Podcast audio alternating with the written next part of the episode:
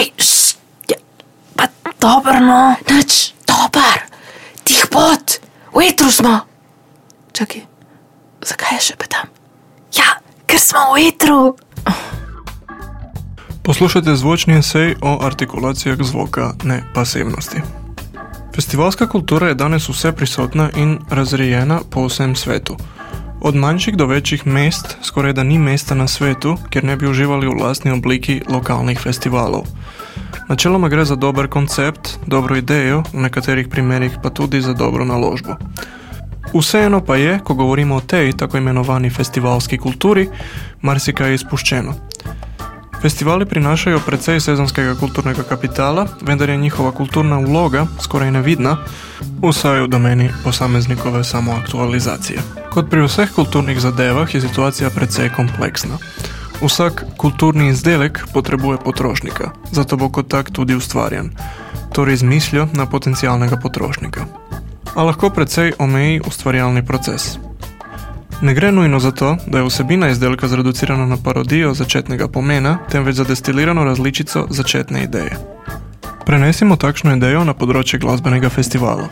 Dejstvo je, da izhodiščna ideja družbeno-prostorske angažiranosti izhaja iz glasbene oziroma subkulturne scene, medtem ko je končni izdelek povsem prilagojen potrošniku.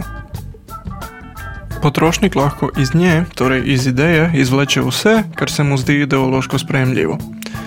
Že sam namen ustvarjanja, torej avtorstvo, občutek interakcije med glasbeniki, publiko in trenutnim prostorom, izgublja pomen.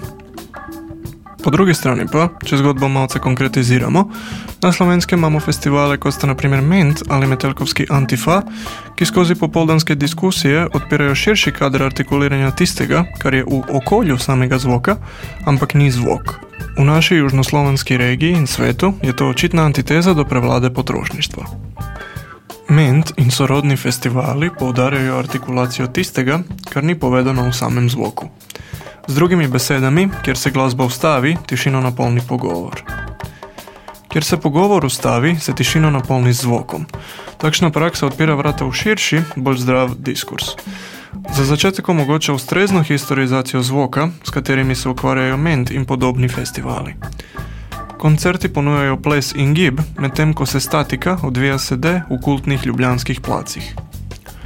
Pogovor poteka tam, kjer živi kultura. Eno brez drugega ne obstaja. Tak festival brez koncertov je enako brezsmislen kot festival brez pogovora, a takšne manifestacije umirajo. A nekaj nam je v tej zgodbi lahko všeč, ko se v formatu kapitalističnega reda, ki neguje zgolj estetiko, pojavi manifestacija, pripravljena uničiti še zadnjo sled pasivnosti. Danes se glasba ne razmišlja kritično, prav tako ne umetnost v širšem pomenu. Glasbeniki so kritiko pogooglali, torej za nje ni več ključna. Sama kritika, torej stroka, pa je postala podaljšana roka PR-ovskih agencij. Zato cenimo večdnevne dogodke, ki hočejo artikulirati zvok. To je, žal ali na srečo, zadnja obrambna črta v boju proti neartikuliranemu zvoku. Družbena neaktivnost ni privlačna, enako velja za pasivnost glasbenikov in drugih akterjev v glasbeni verigi. Itar! Itar!